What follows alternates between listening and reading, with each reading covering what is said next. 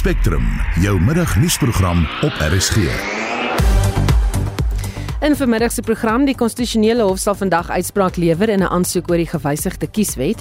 Die EFF nader die Hooggeregshof om die skorsing van sy parlementslede te betwis en kommer oor 'n toename in aanvalle op besoekers in die omgewing van Tafelberg in Kaapstad. And we need to see that expense basically doubled in order to provide more resources like more rangers on the park, more cameras at the access points and obviously just small things like fixing fences etc.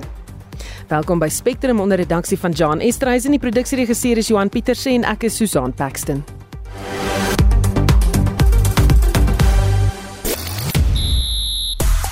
Die Protea groep vir die opkomende tuis wit en rooibal reeks teen Indië is vanoggend bekend gemaak en Banyana Banyana het een voet in Marokko maar kan nie op 'n laure rus teen Burkina Faso nie. Ek is Shaun Schuster vir RSG Sport. Op Facebook berig die media dat die Gautrain sy spoornetwerk met nog 150 km wil uitbrei. Konstruksie kan moontlik in die nuwe jaar begin. En op Instagram berig die media dat tekens van die goue mol na 87 jaar gevind is. Navorsers het voorheen gedink die mol het uitgesterf. Hou ons sosiale media platforms dop vir nog interessante brokkies. Nou vandag oor presies 3 weke is dit Kersfees. En ons by jou weet koop jy en jou familie geskenke of maak julle geskenke vir mekaar om dit meer persoonlik te maak of dalk om geld te spaar. Het jy al Kersgeskenke gekoop of los jy dit tot daai laaste naweek voor die 25ste? Stuur 'n SMS na 45889, dit kos jou R1.50 per boodskap, of stuur 'n stemnota na 0765366961. Dis 0765366961. Dis nou bykans 6 minute oor 12. Die grensbestuursowerheid sê hy het pogings om 443 Zimbabwese kinders onder die ouderdom van 8 sonder ouer toe of wat nou sonder ouer toesig na Suid-Afrika bring in die kiem gesmoor. 42 busse wat na alle aanduidings betrokke is by mensehandel is onderskep. Marlene Forsie berig die owerheid het dit agtergekom tydens 'n deernagoperasie om te bepaal of mense wat die grens gebruik, die regte dokumentasie het. Die owerheid se kommissaris, Dr Michael Masiapato, sê dit snuf in die neus begin kry toe al hoe meer kinders op verskillende busse sonder ouer of voogtoesig op pad Suid-Afrika toe was. According to the Immigration Act, the Children's Act and all of those, they are very clear prescriptive in terms of how minors are supposed to be crossing the border. The work is being done by the investigative authorities to be able to make a full determination. But I get to understand as people are starting to bring in the intellectual discussion of whether is it attempted trafficking or attempted smuggling. But I suppose the actual issue in this instance will fairly be uncovered by the investigation as they unfold. Die kinders is toegang tot die land geweier omdat hulle nie die regte dokumentasie het nie en Masiapato sê die relevante Zimbabwese owerheid is in kennis gestel. They had to immediately take custody of the children. From there, their processes ensue. Under normal circumstances, they will then be activating their social services. They will be activating the relevant section within their police environment. And to that extent, they will then start the process in terms of getting further investigative work and be able to reunite those children with their families. Mensehandel of die smokkel van kinders is die ooglopende rede vir die verwikkelinge, maar Masiapato sê daar is ook 'n ander verduideliking. Zimbabwean pirates in South Africa probably paid some people that side to bring their children. That kind of an exercise cannot be allowed in terms of the Immigration Act. You can't do that. Die bestuurders en die kondukteurs op die busse is ondervra. The people that ultimately were claiming custody of the children were the conductors who are effectively facilitating the entry and exit of people into the buses. And those are the people that got detained back. In other words, those are the people that got taken back with the children for the purposes of further processing on the Zimbabwean side. Wat die saak egter bemoeilik, veral wat die busbestuurders betref, is dat die kinders versprei is oor 42 busse. On the basis that the children were effectively, some of them having some basic documentation like passports, for instance, it was very much difficult to can detain, arrest the, the bus driver as it was.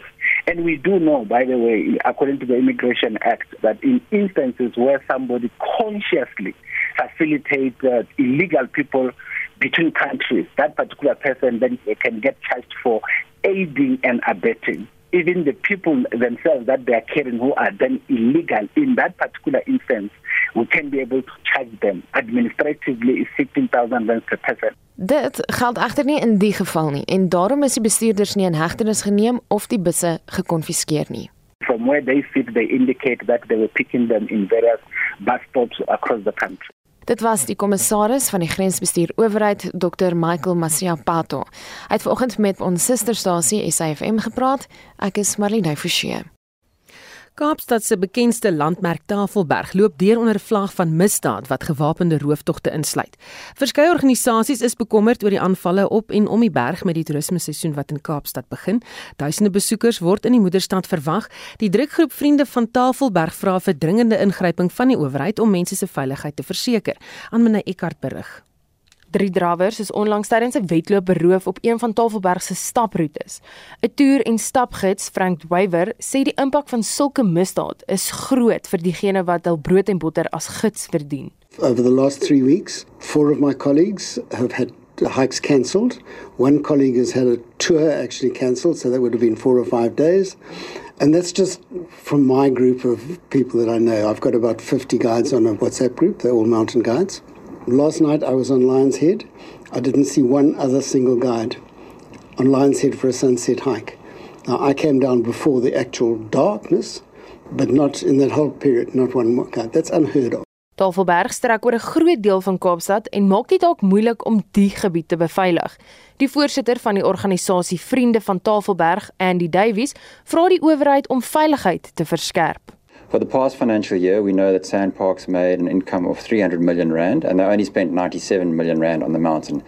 And we need to see that expense basically doubled in order to provide more resources, like more rangers on the park, more cameras at the access points, and obviously just uh, small things like fixing fences, etc. Vrywilligers van Soek en Red Suid-Afrika of SARSA is verlede maand van hul besittings beroof en die misdadigers het 'n vuurwapen op hulle gerig. Dit nadat hulle van Leeukop teruggekeer het om 'n beseerde stapper te help. Die voorsitter van SARSA Kaapstreek, Mike Miller, dring daarop aan dat alle stappers deeglik voorberei moet wees vir enige moontlikheid. When you go on the mountain traveling groups, don't go alone as far as possible. Keep one cell phone fully charged and switched off so that if you do get into trouble, you have a fully charged cell phone. Most of our rescues, or many of our rescues, happen late in the afternoon. We've been on the mountain taking photos, listening to music. Now we get into trouble, and our cell phones are really down to low battery. So keep a battery fully charged.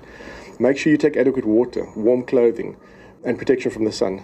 And I think vitally important, save the emergency numbers. Know the emergency numbers so that when you do require them, they're on your phone and ready to go. Die Tafelberg Nasionale Park werk saam met Sanparke, die Polisiediens en die Kaapstad Metro se wetstoepassingseenheid om besoekers te beveilig. Die park vra dat stappers voorvalle van misdaad op en om Tafelberg by die owerheid moet aanmeld. Die verslag is saamgestel deur Mariska Botha, ek's Anmina Eckart vir SAK nuus. Ten minste 4 eenhede binne die Suid-Afrikaanse nasionale weermag, naamlik spesiale magte, die militêre polisie, weermag intelligensiedienste en die regsdepartement, is volgens Open Secrets verantwoordelik vir moord en marteling. Die misdade dateer sover terug as 2019. Glo sy die ondersoek deur Open Secrets ook toon dat die hoof van spesiale magte, die Valke speurder Frans Matipa kort voor sy dood ondersoek is. Matipa is deur 'n skerpskutter doodgeskiet. Die eerste twee dele van die ondersoek deur Open Secrets het ook getoon dat die weermag is betrof wat die weermag se betrokkeheid was by die Lady R skip wat in Simonstad vasgemeer het verlede jaar. Ons praat nou met die DEA se skadu minister van verdediging Kobus Maree. Goeiemôre Kobus. Goeiemôre Susan, goeiemôre aan jou luisteraars. Hierdie klink soos iets uit 'n rolprent. Absoluut. Dit is uh jy weet James Bond uh, kan kom leer wat hier gedoen moet word in terme van ondergrondse dinge en onbehoorlike dinge En ja, dit laat jou amper dink aan die Gestapo tyd, uh jy weet waar daar jag gemaak word op uh, op gewone burgers van Suid-Afrika. Hm.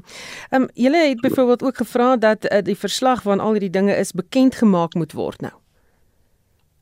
Ja, kyk is baie belangrik as 'n mens gaan kyk daar mag operasies wees wat koevert is en wat geheim is en vertroulik is en werklik die bedreiging kan kan on, ontlont wat uh, vir ons land ingehou word maar dan verwag 'n mens dat daar uh selfs in 'n geslote sessie uh aan ons as parlementslede kom uh jy weet verslag gedoen word en ons in hulle vertroue geneem word om en dit het al gebeur waar ons in sulke vergaderings was en waar ons waar ek self nooit uitgepraat het oor dit nie omdat dit werklik in landsbelange was.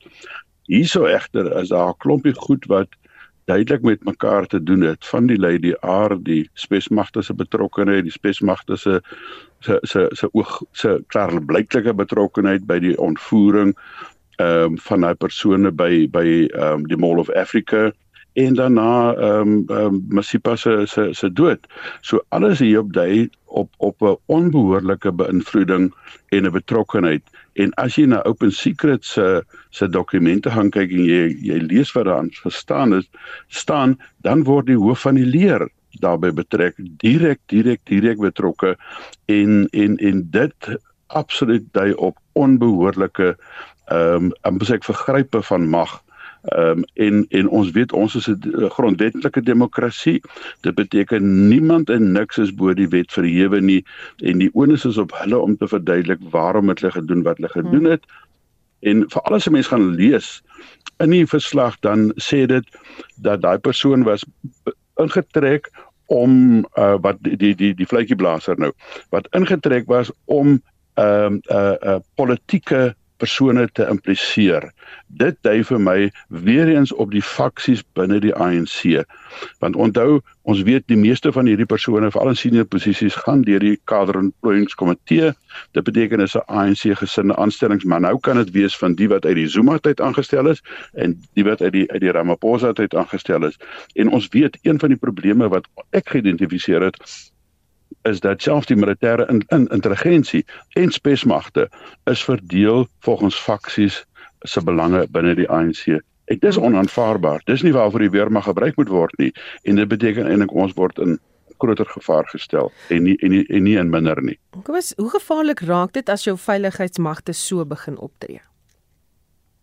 Wel, jy weet dit is wat jy kry wat uh, wat in die in die ehm um, ek dink voor wat wat in die nasie uh, tyd gebeur het toe hulle hierdie Gestapo ehm um, bendes gehad het wat jag gemaak het op mense.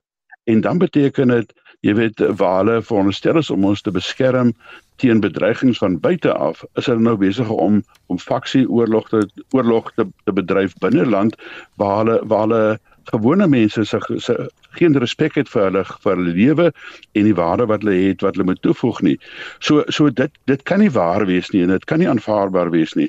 As daar mense is wat verkeerd gedoen het of dit binne die weermag is of in die siviele omgewing, dan behoort dit aan die groot klok gehang te word in terme van die regsproses wat ons weet dis nog die een ding waarna ons vertroue kan hê en dis in die regsproses in Suid-Afrika. Vir hulle om dan die mag in eie hande te neem en mense te te te te amper sê ek ehm um, uh swaar te laat kry en hulle onder onder water dompel en hulle af te dreig en jag te maak op hulle dis totaal onaanvaarbaar. Dis in elk geval binnelandse veiligheid is nie die primêre verantwoordelikheid van die weermag nie. En dit sê vir mense dit gaan nie oor die oor die binnelandse veiligheid nie maar dit gaan oor faksie veiligheid en faksie gevegte en dis totaal onaanvaarbaar. En en en dis waarom ons so baie sterk voel dat hmm. ons moet hierdie hierdie sogenaamde Morehouse ehm um, verslag moet ons in die hande kry en daarvoor het ek dan 'n baie aansoek ingedien en en natuurlik jy weet as 'n uh, eh, enige iemand wat wat geïmpliseer word hierin selfs die hoof van die leer uh, generaal Mbata behoort onmiddellik op op uh, op 'n uh, um, uh um jy weet verpligte verlof geplaas te word sodat hulle nie kan inmeng by die ondersoek ja. nie. En en die hoof van die weermag en die en die uh en die minister behoort al lankal uh, ondersoeke uh, belas het in hierdie ding en want dit sal nie weggaan nie. Dit sal by ons bly. Baie dankie. Dit was die DEA se skadu minister van verdediging Kobus Maree Die EFF doen vandag in die Hooggeregshof in Kaapstad aansoek vir 'n interdikt teen die parlement se besluit om 6 van die party se lede te skors. Dit nadat hulle president Cyril Ramaphosa bestorm het tydens vanjaar se staatsrede. Die parlement se magte en voorregte komitee het aanbeveel dat die lede wat die partyleier Julius Malema insluit, volgende Februarie vir 'n maand lank sonder vergoeding geskort word vir die ondermyning van die parlement. Hulle moet ook om verskoning vra aan die mense van Suid-Afrika, die president en die parlement. Marlene Forsie berig die party bring nog 'n ondersoek om die grondwetlikheid van die relevante wetgewing uit te daag. Die seslede het ook besluit om nie deel te neem aan die verhoor oor hulle optrede nie. Die regskenner Modidima Mania dink dit was 'n fout. The EFF ought to have participated in the process from start to finish and ensured that it raises whatever concerns it has so that it is easier for all of us to determine the rationality of the decisions of the committee. The EFF seems to have adopted a posture that said it will determine the pace and rules of engagement, which is unfortunate because the committee must operate in accordance with the rules of parliament. Malema het boonop tydens die verhoor uitgevaar teen advokaat Anton Katz wat die verhoor begin het. You brought this white man here to come and persecute us because you know that every white man will go after the blood of the EFF. I don't care whether my legal representative says he's got respect for him. I've got no respect for him. He's a DA lawyer who's here Honorable Madema, for Honorable Madema, can you make your point? and we're not going to accept that. I'm making a I'm point. You can't tell me how to speak. I'm making a point. I'm, re- I'm requesting you not to be personal. I- Uh, I'm respond personal. to the You can't you can't tell me what to say. You can't tell me what to say. Let me make my point. And then you can rule me out if you want. Manie het ook hierop gereageer. Reliance on race, whether black or white, is an opportunistic tendency which must be rejected out of hand. There is no doubt that Mr. Katz may have his own political views like every one of us. But to the extent that he was conducting himself in a professional manner, that's how he should be judged, not because he is white, as it's suggested. Dit was die regskenner Modidima Manya wat Mercedes Besent se bydrae afgesluit het. Marlene Forsie, SAK nuus. Nou die vrugting het nog nie begin nie, maar ons bly by die storie en praat met ons verslaggewer Mercedes Besent. Goeiemôre Mercedes. Goed, uh, goeiemiddag. So wat het sover vandag gebeur? Well, what actually happened, the court adjourned not so long ago. This is now, uh, there are different matters here, but the one of today, they want the, uh, the, the, the speaker particularly to be summoned or to be subpoenaed to appear before the Powers and Privileges Committee next week. They want, uh, and uh, the, the, the EFF legal team wants Parliament to respond by the close of business tomorrow, but this now relates to another matter where three, where, where 13 other EFF MPs were, uh, uh, you know, are expected to appear before the Powers and Privileges Committee also next week, also facing a similar hearing like the six EFF MPs, including Malema. But this is uh, for a matter that happened. They were removed. Uh, it was during the presidency's budget vote in June last year, and also during the, the president's oral reply session. So the legal team says uh, the one relating to, to, to the six EFF MPs, including Malema, Floyd Shibambu, uh, Dr. Mbuyiseni Ndlozi, Marshall Dlamini, uh, as well as uh, Vuyani Tambo and uh, and and uh, uh, Vuyani Pambo and uh, and uh, Tambo as well. So what is going to happen is that tomorrow the National Assembly decision has already been taken, so there's nothing. It was held in absentia. Uh, tomorrow the National Assembly, the report of the Powers and Privileges Committee with that, those sanctions, they are coming before the House tomorrow, and the decision will be taken tomorrow. Those things that they have to do, for example, to to to uh, to, to apologize before the president for you, you know to the president. And also they will also be sanctioned one month salary you know without pay. They will they will be suspended from parliament in in in February without pay. So those are the proposals of the the, the, the powers and privileges committee now the powers and privileges committee uh, report will be considered and if the, the the house decides on that then it may be then those sanctions they have to be meted out. But uh, the, we, we've heard that apparently there may be a, an amendment to make sure that the, the sanctions should not be in February because February, the whole month, it will also be the month of SONA. So that will be uh, there's a possibility that they might there might be a suggestion, you know, from the uh, from from whether it's from the ANC side uh, or so tomorrow to say that it should not be in February, it should be in March. But what the the the, the the lawyers told uh, us here is that they will, uh, if if they are awaiting that report, that uh, outcome tomorrow, and if it happens that they are being sanctioned in February, then they will make sure that they challenge it. They will be back here in court in January, and they say if they are sanctioned in in March, then they will be back in February. But just to round off here, the main matter now that they are focusing on is the 13 EFF MPs. So there are more hearings expected next week. And the crux here of the matter is that they want the speaker to be here. They say the speaker has to be subpoenaed because she she was the decision maker who ordered the removal of the 13 EFF MPs in June and August last year.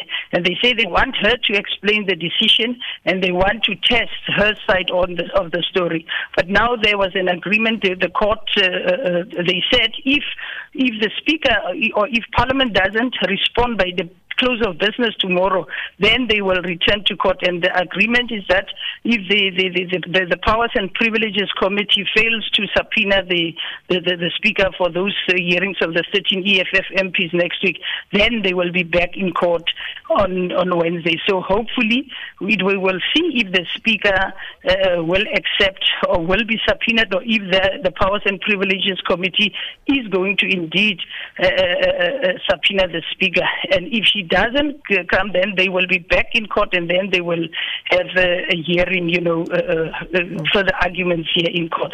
So it's going to be interesting. But one of the other interesting things is going to be if they bring uh, the Julius Malema and the five others before the House tomorrow during the, the debate to do all those things, those sanctions, including the, the also to, to, to, to also apologize to Parliament and also to the people of South Africa and to President Ramaphosa for, for, for having stormed the stage uh, on the 9th of February when they protested there in front of President Cyril Ramaphosa with placards. So it will be interesting to see if they will do yeah. what is going to be done and so on tomorrow. Baie dankie, dit was ons verslaggewer Mercedes Besent. Die konstitusionele hof sal vandag sy uitspraak lewer oor die saak wat die grondwetlikheid van die gewysigde kieswet getoets het. Die onafhanklike kandidaate vereniging het die saak aanhange gemaak.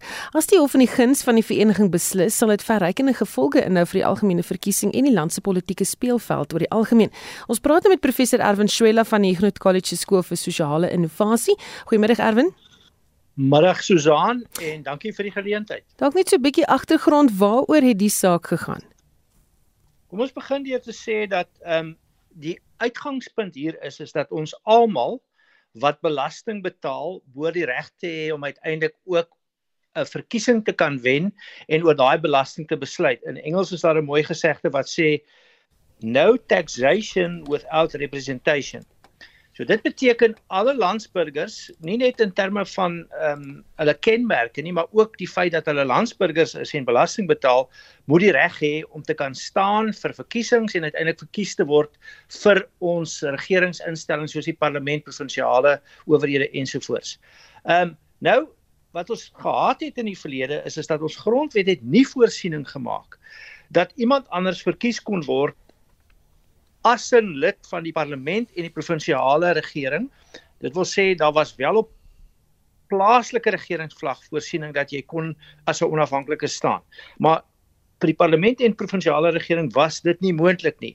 En toe het ehm um, uh, onder andere Dr Michael Louw ehm um, van die onafhanklike kandidaatebeweging en meneer Musi Maimane uh, van die uh, One South Africa movement het toe hierdie saak in 'n grondwetlike hofsaak laat besleg en die grondwethof het besluit dis onregmatig, ongrondwetlik en dat dit moet gewysig word. Toe is die saak verwys na die parlement toe. Ehm um, die grondwethof plaas nie hulle besluite in die domein van die parlement. Hulle het gesê dis nie reg nie, hulle moet dit regmaak. Nee. Na 'n lang proses, uitgerekte proses, het die grondwet ag het die het die parlement 'n wet uiteindelik deurgevoer wat deur meneer Maimane en dokter uh, Michael Louw nou weer in die grondwet het want hulle sê wat gebeur het is in tegniese berekeninge in terme van die deposito's betaalbaar. In terme van die hoeveel handtekeninge handtekeninge wat jy moet kry om verkies te word of selfs te staan is die grondwetlike ehm um, grondwetlikheid van die nuwe wet ehm um, is ook onderdruk en hulle vra dus nou vir die grondwethof om te besluit dat die wet nie geldig uh, is nie en die implikasie is dit mag 'n impak hê of ons die verkiesing kan hou of nie hmm. want daar moet waarskynlik dan weer wetswysigings gedoen word. So dis ingewikkelde regsargumente amper soos die wat die kollega nou oor die oor die vorige insetsel gedoen het en dit het substantiewe wesentlike implikasies vir ons grondwetlike bestel en vergelykheid vir verkiesings en tweedens ook geweldige tegniese implikasies ten opsigte van so gou as eers eerste uh rus as dit ware ehm um, volgende jaar se verkiesing ehm um, en hoe dit gehanteer gaan word. So dit gaan die wysheid van Salomo vereis. Hm, dink ek uh, gekompliseer. Uh, hoe gaan dit die wetgewing die politieke landskap weet verander of oopmaak? Die idee is dat kom ons stel dit so eenvoudig as wat ons moontlik kan. Die idee is, is dat almal van ons wat belasting betaal en wat landsburgers is en voldoen aan daardie vereistes, 'n klompie basiese vereistes, behoort eintlik in staat gestel te word om op 'n gelyke basis aan verkiesings deel te neem en uiteindelik verkies te word tot die wetgewende instellings van ons land. Nou, ehm um, dit was in die verlede nie moontlik nie want onafhanklike kandidaate kon glad nie verkies word. Hulle is verkiesbaar stel en verkies word vir beide die nasionale en die provinsiale wetgewers nie. Wat nou hier gebeur het is is die die die grondwet hof het gesê dit is onregmatig, ongrondwetlik en dit moet verander.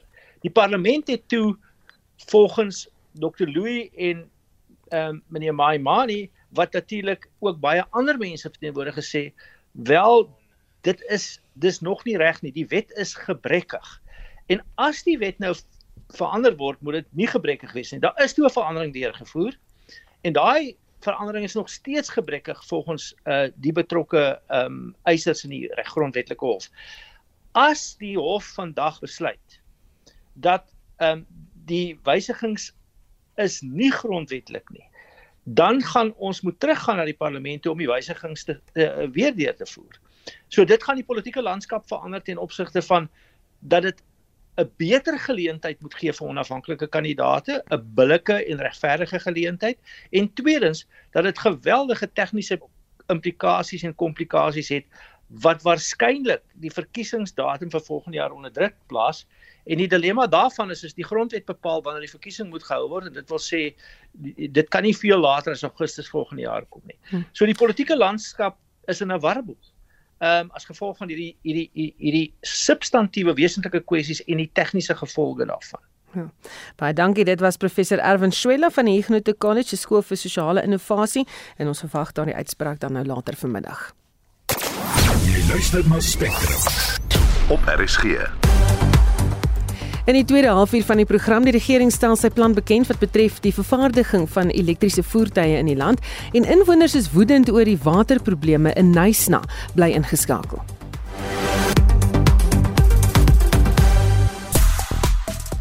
Nou ons het gevra of uh, jy Kersgeskenke koop, wanneer jy dit koop en of jy dalk dit op 'n ander manier maak of so om geld te spaar. Nou vir ons daarby kom Leen het net gereageer op die eerste storie en dit is natuurlik oor daai kinders wat so in die uh, busse gevind is. Nou sê sy dis hysteries skokkend dat soveel kinders op pad was na Suid-Afrika. En dan sê sy ons het skaars kos vir ons eie kinders.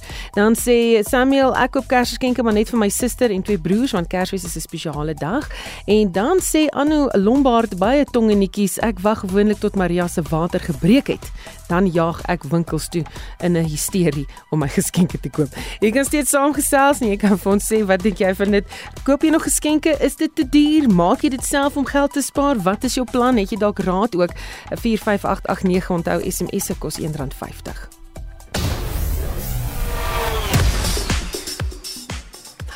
Dis Shaun Justus sluit nou by ons aan met die jongste sportnuus. Goeiemôre Shaun. Goeiemôre Susan. Die Protea span vir die opkomende Vryheidsreeks teen Indië is vanoggend bekend gemaak. Vertel ons. Ja, die toer bestaan uit 3 T20 en 3 eendagwedstryde asook 2 toetse. Temba Bavuma en Kagiso Rabada kry blaaskans tydens die witbalreeks en keer dan terug vir die toetse. Tristan Stubbs kan ook moontlik sy toetsdebuut vir die Proteas maak en Aiden Makram is die kaptein in die T20 en eendagreeks. Nou van die nuwelinge in die groep is Otniel Baartman in die T20 en eendag Melali Mpongwana in die eendag, David Bedingham in die toetspan en dan ook Nandrey Burger in al drie formate. Die T20 reeks vind tussen 10 en 14 Desember, die eendag reeks tussen 17 en 21 Desember en die toetse tussen 26 Desember en 7 Januarie plaas. Nou 90 minute staan tussen Banyana Banyana en 'n plek in die 2024 Vroue Afrika Nasies beker toernooi in Marokko.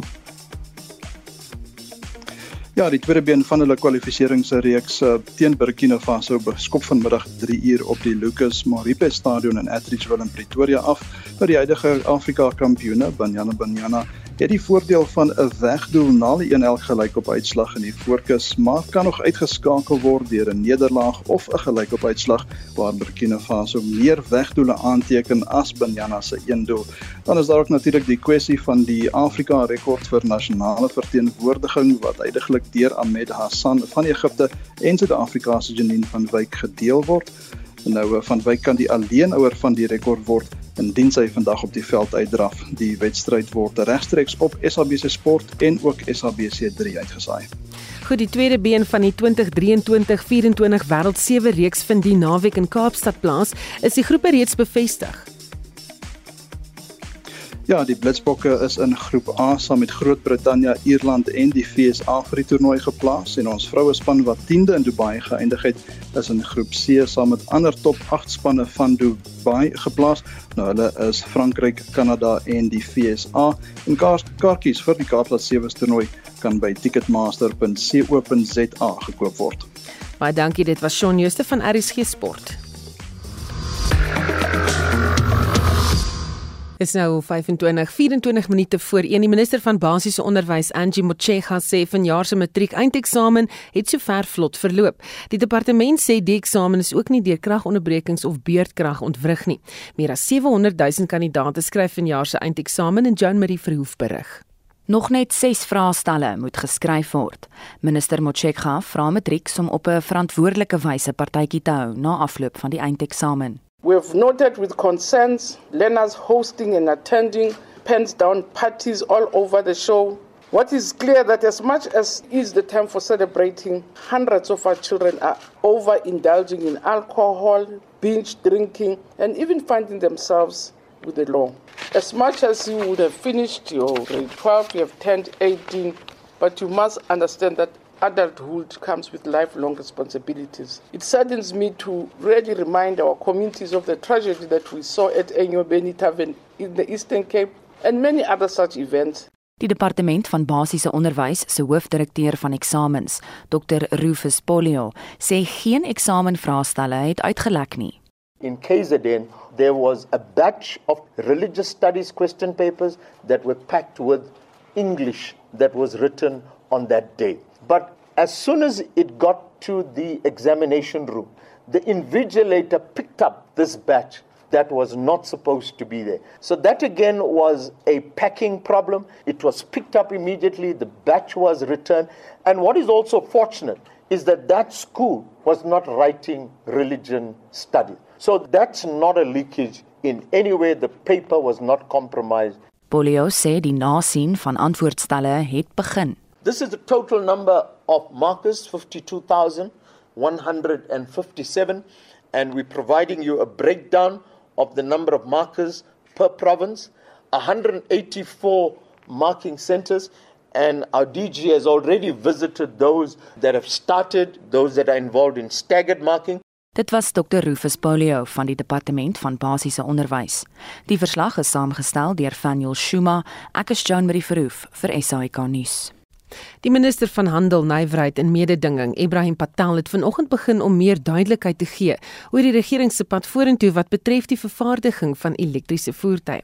Die regering het onlangs die wetskrif vir elektriese voertuigvervaardiging goedgekeur. Ons praat nou met 'n energiekenner, Corneel Skambort. Goeiemôre Corneels.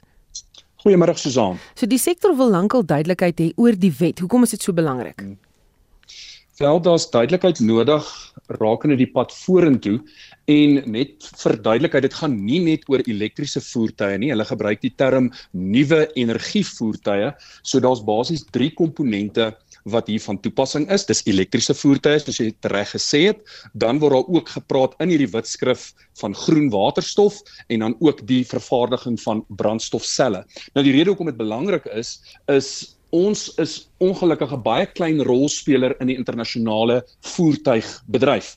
So ons weet reeds in lande in Europa en eerste wêreldlande gaan definitief in die volgende 15 na 20 jaar binnebrand engines uitfaseer. En gevolglik het ons nie veel van 'n keuse nie. Ons plaaslike industrie moet aangepas word sodat ons enerzijds voertuie kan vervaardig vir die internasionale mark en dan ook kan bykom met die res van die wêreld om dan ook plaaslik hierdie voertuie te produseer wat gebruik maak van hierdie hernubare bronne. Hmm. Nou, so die regering gee nou eers duidelikheid hieroor. Hoe ver agter is ons, jy weet, motorvervaardigingssektor weens hierdie gesloerdery? Ons is heel agter in die ry saam met lande soos Brasilië. Ons is definitief nie in die top landkategorie soos 'n Swede en 'n Denemarke en dis meer nie, maar dit is goed dat hierdie nou ten minste begin in 'n rigting beweeg. Die minister praat van die totale uitrol hiervan is 7 tot 8 jaar. Ek weet nie altyd of ons ons plaaslike ministers kan glo met hulle beloftes nie, maar die feit van die saak is daar's 'n proses wat gaan moet uitgerol word. Nou eerstens dink ek ongeag die plaaslike sektor want daar is uitdagings, Susan, jy het byvoorbeeld 'n infrastruktuur nodig om voertuie plaaslik te kan laai. Ek bedoel as jy nou van Johannesburg af ry Kaap toe, dan gaan jy van hierdie ladingstasies nodig hê en van hulle bestaan daar baie baie weinig op hierdie stadium van die geveg. So daar's baie werk wat gedoen moet word op verskeie areas, die vervaardiging, maar dan ook die uitrol van hierdie nasionale netwerk vir die ladingstasies. So dit gaan 'n paar jaar vat voor ons daar kom. Ek dink dit maak maar tans 1% van totale voertuigverkope in Suid-Afrika uit. So daar's nog baie ruimte vir groei as ons ons onsself moet vergelyk met die res van die wêreld. Wat vervaardig ons reeds? Wel, daar is 'n beperkte hoeveelheid eh, elektriese voertuie wat plaaslik vervaardig word en hulle word teen 'n premie vervaardig. Dit is ongeveer 20 na 50% duurder as 'n ekwivalente binnebrand engine voertuig. So mense wat tans elektriese voertuie koop, doen dit vir die goedheid van die saak soms en dit is dit dit kos baie geld, maar mense sal nou verstaan oor tyd behoort daai kostes af te kom. Ons het dieselfde gesien met ander hernubare bronne soos uh sonpanele, die PV energie het baie afgekom oor tyd. So ek glo dit is die pad wat vorentoe gestap gaan word. En dit is wel belangrik belangrik dat ons hierdie sektor uitbrei. Ons moet weet dat soos ek reeds gesê het of nie gesê het nie, 7% van ons bruto binnelandse produk kom uit die motorindustrie. So ons kan nie bekostig dat groot internasionale maatskappye soos 'n Volkswagen byvoorbeeld sê, luister, julle is nie by nie. Ons onttrek nou ons vervaardigingsvaardighede hier in in Suid-Afrika. So dit is goed dat ons dat ons dit begin doen. Die die ander krisis wat ons mee sit, ehm um, daar's twee ander dinge. Dis die laai netwerk is 'n probleem, dan die ander twee dinge wat ook uitgelig is deur die minister en dit het ek nie eens nodig om vir luisteraars te sê nie. Ons het 'n energietekort in Suid-Afrika en die ander punt is ons gaan dan nou hierdie netwerk uitrol en die doel daarmee is om die koolstofvoetspoor te verlaag. Maar ek bedoel as jy elektrisiteit gebruik wat opgewek is deur steenkool te verbrand, dan is jy nie regtig besig om daai wen te laat wen jy jy jy, speel hom dan af teen meer koolstofdioksied wat jy in elk geval in die atmosfeer inblaas. So daar's bietjie van 'n probleem daar en dit beteken ons moet meer beweeg na hernubare bronne dan het jy jou voordeel van die verlaging in koolstofvoetspoor. Maar wat die energietekort betref, Susan ons kan baie daaroor praat en dit is baie ironies. Ek bedoel ons kan die ministers weer eens glo Ehm um, Fikile Mbalula het gesê Desember 2023 gaan beerdkrag iets van die verlede wees. Minister Ramaggopa het gesê 24 Desember.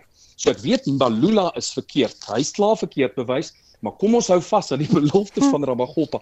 Jy moet baie naïef wees as jy die ministers in Suid-Afrika wil glo. So die hof het ook verlede week gelas dat die regering nou moet krag verskaf aan polisiestasies en hospitale en klinieke. Ehm um, daar was destyds groot probleme, mm -hmm. uh, het die regering gesê om so krag te kan verskaf. Hoe gaan hulle dit nou doen? Uh, dis 'n baie goeie vraag Susan. Prakties is dit baie moeilik. Ons moet weet dat 'n mini-substasie of 'n substasie dan sal vir 'n bepaalde geografiese gebied elektrisiteit voorsien. So as jy nou byvoorbeeld wil hê dat 'n bepaalde hospitaal se ligte met elektrisiteit aan moet bly, dan beteken dit tensy jy daai substasie gaan verdeel, beteken dit daai volle substasie moet aanlyn bly. En ek weet daar's baie Suid-Afrikaners van hulle wat nou luister en daarvan voordeel trek. Hulle lag nou want daar's sekere areas in Suid-Afrika wat nooit beerdkrag beleef nie omdat hulle op sekere kritieke lyne is. So die enigste manier hoe jy dit kan maak werk wat dan nou die hof nou gelas het en ek dink dit is prakties baie moeilik uitvoerbaar sal wees om teen miljarde rande geld wat die staat nie het nie, moet jy dan nou gaan en jy moet toegewyde lyne na hierdie hospitale, skole en uh, polisiestasies aanlê of jy moet kragopwekkers daarso installeer wat ten duurste bedryf word met diesel of jy moet dan sonkrag met batterye daarso sit. En en hierdie is 'n duur duur oefening want nou beteken dit jy's besig om 'n nasionale krisis bietjies bietjies bietjies te probeer aanspreek en ek weet net nie of daai uitspraak in in in in uh, wese is ek dankbaar want daai uitspraak sê dat die regering faal om hulle grondwetlike taak uit te voer. daarmee stem ek 100% saam. Ek weet net vanuit 'n tegniese oogpunt, veral gegee wat die tydlyn, die tydlyn is Januarie moet dit installeer wees. Ek kan nie dink dat daar 'n oplossing is om in letterlik 2 maande en ons ons het 'n Kersvakansie wat op ons wag dat einde Januarie hulle sal teruggaan hof toe en sê ons het toe gehoor gegee en hospitale, skole en polisiestasies, hulle het nou 100% elektrisiteit nie. Ek twyfel 100% dat dit uitvoerbaar is. Baie dankie, dit was die energiekenner Corneel Skambort. Intussen voorspel die ouditeursfirma PwC dat Suid-Afrika baie meer as net sonkrag gaan nodig hê om aan al sy kragbehoeftes te voorsien. Martin Solomon, se energiekenner wat die verslag saamgestel het, sê dat Suid-Afrika 'n mate van gas ook gaan nodig hê vir kragopwekking, dit ten spyte van die kommer oor die impak op die klimaat en die omgewing. Well, you know, to answer the question, one has to understand the limitations that renewable energy faces. I mean, firstly, it is an intermittent energy source. And for an industrialized economy like South Africa, we need certainly very, very sustainable and definitive power. So when you're dealing with intermittency, if you don't have sufficient hydro, then solar and wind certainly cannot do the load following that you need. So it is inevitable that one is going to need renewable energy supported by gas to power to make an economy like South Africa work the issue around energy planning is if one looks at South Africa's current reality, we have a material gap in generation of about six to eight gigawatts, depending on how you analyze this. But I think the more critical question or approach to answering your question is to also think about the nature of the need to grow this economy from its current base to something much bigger. So we assumed at PwC that a 4% per annum GDP growth is what you would need if you apply that approach, then you know we are talking about tens of gigawatts into the future, both in terms of renewables and gas. And you know our reality, of course, that compounds that even more is that we're facing a period in the next 20 to 30 years when ESCOM coal decommissioning has to happen. Mm. You know, if you hear ESCOM, they talk about 50 to 60 gigawatts of new power, and roughly half of that, I would argue, would have to come from gas. So it's material, it's significant. En dit was 'n energiekenner Martin Solomons. Inwoners van Nysna is woedend oor die jongste waterkrisis. Die Nysna munisipaliteit sê tegniese uitdagings soos beerdkrag lei tot lae watervlakke in sy reservoirs. Die situasie is vererger na 'n liggaam onlangs in 'n reservoir gevind is waarna 4 reservoirs toegemaak moes word. Aanmenay Eckart doen verslag. 'n aantal gebiede kry tans al water van watertanks. Inwoners het verlede week herhaaldelik die N2 afgesper om 'n oplossing vir die situasie te eis. Verskeie nabygeleë munisipaliteite het intussen water en vullisverwyderingsvoertuie na Nysna gestuur om 'n helpende hand te bied. Daar word verwag dat die uitspoel van die besmette water die week voltooi sal wees. Moedelose inwoners in die informele nedersetting moet in rye met hul emmers en bottels staan om water te kry. Can't manage because most of our kids and grand uh, kids they go to loo and then it's stinking. Our houses are stinking. And secondly we have old people who some of them is walking with their wheelchairs. They can't manage to go to the, where the trucks usually stands because siyawacingela ngokuthi uyasela. Esigulisa I won't lie this water has made me sick and then I keep on thinking about what happened in the reservoir. Die Wes-Kaapse minister van plaaslike regering Anton Bredel het verlede week met munisipale amptenare oor die situasie vergader. Bredel het in 'n verklaring gesê hy is bekommerd oor wat hy noem ernstige bestuursuitdagings wat die munisipaliteit se finansies en basiese dienslewering beïnvloed. Die munisipaliteit moet binne 2 weke 'n aksieplan indien. Nysan se burgemeester Ombali Sebola sê hulle werk hard daaraan om die watertoevoer te verbeter. We had to decommission the four reservoirs for maintenance and also then for cleaning. So the four reservoirs at the current moment they are being decommissioned and then we are now supplying water through uh, the water tankers. Hence the intervention from uh, the province. Sebola sê die munisipaliteit het nie finansiële probleme nie. The municipality is collective. The municipality's budget derives from the collection. So we must be saying, are you collecting or not? And yes, indeed, we are collecting. That's why we are able then to maintain uh, our infrastructure. We are also then able then to pay our third parties. We are then able to pay our salaries. We are then able to pay our bonuses. Daar word gehoop dat die waterprobleme voor die besige feesseisoen opgelos sal word. Die verslag is saamgestel deur Sagri Chetty, ek's Anmane Eckart vir SAK nuus. Vanmiddag se sake nuus word aangebied deur Dion Goosen, 'n portefeuljebestuurder by Netbank Korporatiewe Beleggings. Goeiemiddag Dion. Middag Suzan en middag aan die luisteraars.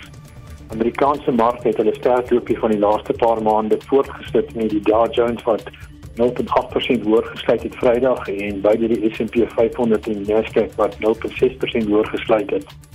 As ons kyk na Asië, sluit die Hong Kong Hang Seng oggend swakker met 1.1%. Die Japannese Nikkei was laer met 0.6%, terwyl die Australiese ASX 200 hoër gesluit het met 0.7%. In Europa op die oomblik verhandel die Britse FTSE swakker met 0.3%, die Franse CAC 40 is 0.2% laer terwyl die Duitse DAX op is met 0.1%. In Suid-Afrika ja, is die huidige die algehele indeks op die oomblik 0.3% hoër en verhandel by 75929 punte. Die finansiële indeks is 0.3% op. Koper wat goed doen, die is 2.7% op en Capitec wat bietjie swaar trek, die is 1.1% af. Nywerheidsindeks is 1.4% sterker. Uh Aspen 2.4% op. Life Healthcare is 1.1% af op die oomblik. En dan die Heilbron indeks is 1.6% laer die Banya Stillwater wat so 1% op is terwyl Impala op die oomblik 3% laer is. As jy kyk na kommoditeitspryse, goud het verswak uh, met 0.3% verhandel teen 2067 dollar per fyn ons. Platinum is ook laer met 0.2% verhandel by 922 dollar per fyn ons en dan Brent drie olie is tans ook laer 0.6% en verhandel by 78 dollar 41 en per vat. Dan die wisselkoerse, 'n dollar gaan vir jou R18.70 kos, 'n pond R23.68 en die euro R20.32. En dan rentekoerse, die 20-30 staatsefek het versterk, verhandel net onder die 10% en 9.98%. Dan van die belangrike ekonomiese data vir die week is die bruto binnelandse produk wat donderdag bekend gemaak word verwagting is vir 'n groei van 0.1% in die derde kwartaal teenoor die 0.6% in kwartaal 2. Uh, ons het dan meer maar beerkrag, transnet probleme en laer kommoditeitspryse as redes vir hierdie swakking. Dankie. Dit is aan die einde van die sake nuus. En dit natuurlik was uh, Dion Gosen wat vir ons daardie gebring het. Hy is 'n portefeuljebestuurder by Netbank Korporatiewe Beleggings. In Venezuela het inwoners ten gunste daarvan gestem dat die land 'n stuk grond opeis wat eintlik aan sy buurland Guyana behoort. 95% van diegene wat deelgeneem het aan die referendum die afgelope naweek glo Venezuela moet 'n nuwe deelstaat in die olieryke Essequibo stig. 50% van die land se burgers het deelgeneem aan die referendum. Die dispuut oor die werklike eienaars van die gebied strek eeue terug en is weer na die voorgrond gebring met die referendum. Marlene Forsie het meer besonderhede. President Nicolas Maduro sê die grond ter sprake is by Venezuela gesteel. Die laaste keer wat die kwessie aandag gekry het, was in 2015 toe daar olie in Essequibo gevind is en Guyana ekonomiese hupstoot as gevolg daarvan gekry het. Dit is onduidelik wat Maduro met die uitslag gaan doen, maar Guyana vrees dat Venezuela die gebied wil annekteer. Pascal Fletcher van BBC Monitor volg die gebeure nou al 'n geruime tyd lank. Let's not forget what this is really about. I mean, I think many people basically see this referendum as, as about internal politics and relations with the United States. I mean, basically, you know, regarding Venezuela's campaign to try and have sanctions lifted. I don't think anybody really expects that Venezuela will make any serious moves to sort of cross the border or send military forces into the Essequibo region, although Guyana has been warning about that and calling the sort of Venezuelan referendum warlike but I don't think there's any real concern that that will happen. But certainly, this is seen by many countries in the region, the Caribbean neighbors of Guyana, the UK, the US, as, as not a very welcome development and not helpful at this moment. Opposisiepartye in die land sê boonop die uitkoms was nie so groot soos Maduro dit laat klink nie. The Venezuelan opposition is basically saying this was a failure, this was propaganda, nationalist maneuver. So, as I say, this all feeds into the national politics where you know the opposition is hoping to challenge President Maduro in, in elections in 2024. And basically, this referendum was seen as an effort to divert attention from that, distract and divide the opposition with a nationalist theme. Volgens Fletcher gebeur dit nie in 'n vakuum nie. Wêreldleiers soos die VSA en die Verenigde Koninkryk hou verwikkelinge dop en die internasionale strafhof in Den Haag, Nederland, het Venezuela skerp gewaarsku om nie te krap waar dit nie juk nie. Venezuela already chose to interpret that International Court of Justice ruling on the Friday in its own particular way. I mean, they basically celebrated it as a triumph again, you know, saying that, well, they didn't say we couldn't go ahead with the referendum. But of course, if you read the actual ruling, it does make clear that it does urge Venezuela, the court's ruling, to refrain from doing anything that could change the status quo. So, since some of the questions in this referendum were really quite sort of, I think, you know, concerning from the Guyanan point of view, talking about declaring an actual Venezuelan state in the Essequibo region, talking about giving nationality to its inhabitants there, talking about incorporating onto the map as Venezuelan territory. That could be seen as pushing, trying to change hmm. the status quo. Dit was Pascal Fletcher van BBC Monitor. Ek is Marlene Forsie vir SAK nuus. So daar's gerugte dat die Balje buite Letuli huis in Johannesburg staan, maar Lenay Forsie ontwikkelende nuusstories dop. Wat weet ons? Daar's baie foto's op Twitter aan voorheen of eerder X. Ek kan net nie dit onthou nie. Okay, goed, kom ons probeer weer. So op X is daar heelwat foto's hiervan. 'n Geloofwaardige aanlyn nuusplatform het die nuus ook nou bevestig en ek sien die organisasie teen belastingmisbruik het ook op X hierop gereageer. Nou, ek sien die SAIK is besig om die nuus te bevestig. Daar is nou ook briewe wat gesirkuleer word op X van items wat heel moontlik na bewering gekonfiskeer gaan word. Dis nou goed soos yskaste, mikrogolwe, TV-stoele, nou maar 'n paar te noem. En dan nuus van 'n ander aard, die konstitusionele hof het kort tevore sy uitspraak gelewer oor die saak wat die grondwetlikheid van die gewysigde kieswet getoets het. Nou regter Nonkosi Mhlantla het die kieswet of het eerder One South Africa en die vereniging van onafhanklike kandidaate se aansoek dat die kieswet ongrondwetlik is van die hand gewys. Volgens hierdie partye beperk die wetgewing die deelname van onafhanklike kandidaate kandidate in vergelyking met politieke partye se kandidate, maar die Hooggerig sê of sê helaas dit is nie so nie. Meer hieroor in Brandpunt vanmiddag om kwart voor 6. En ons het vroeër vandag verslag gedoen oor die 443 kinders wat sonder ouer of voog toesig op pad was Suid-Afrika toe vanaf Zimbabwe. 'n Ondersoek is geloods, maar daar is diegene wat meen dis 'n geval van mensenhandel.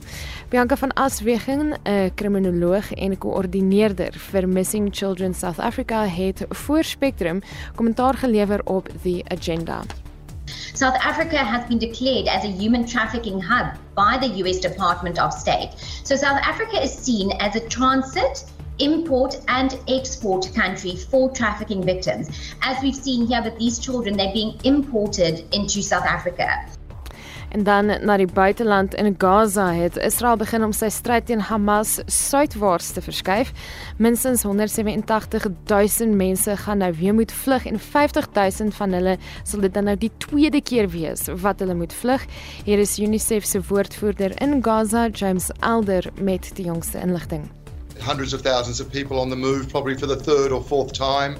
Some cannot uh, because there's not enough transport to move them. Many are well aware that they are moving to a place with no water, no shelter. It's cold, it's starting to rain, no sanitation. En dit was UNICEF se woordvoerder in Gaza, James Alder. En dit was Marlene Forsie met stories wat nog ontwikkel. Onthou vorige uitsendings van al ons nuus en aktualiteitsprogramme is as 'n potgooi op RC se webtuiste beskikbaar. Jy kan dit daar gaan aflaai en luister net wanneer dit jou pas.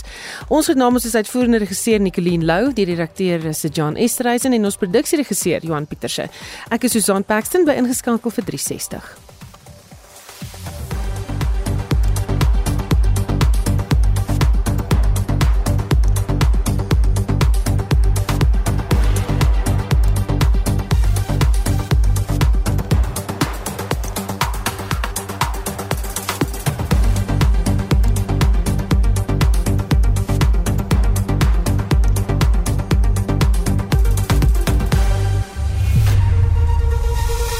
SAK nuus.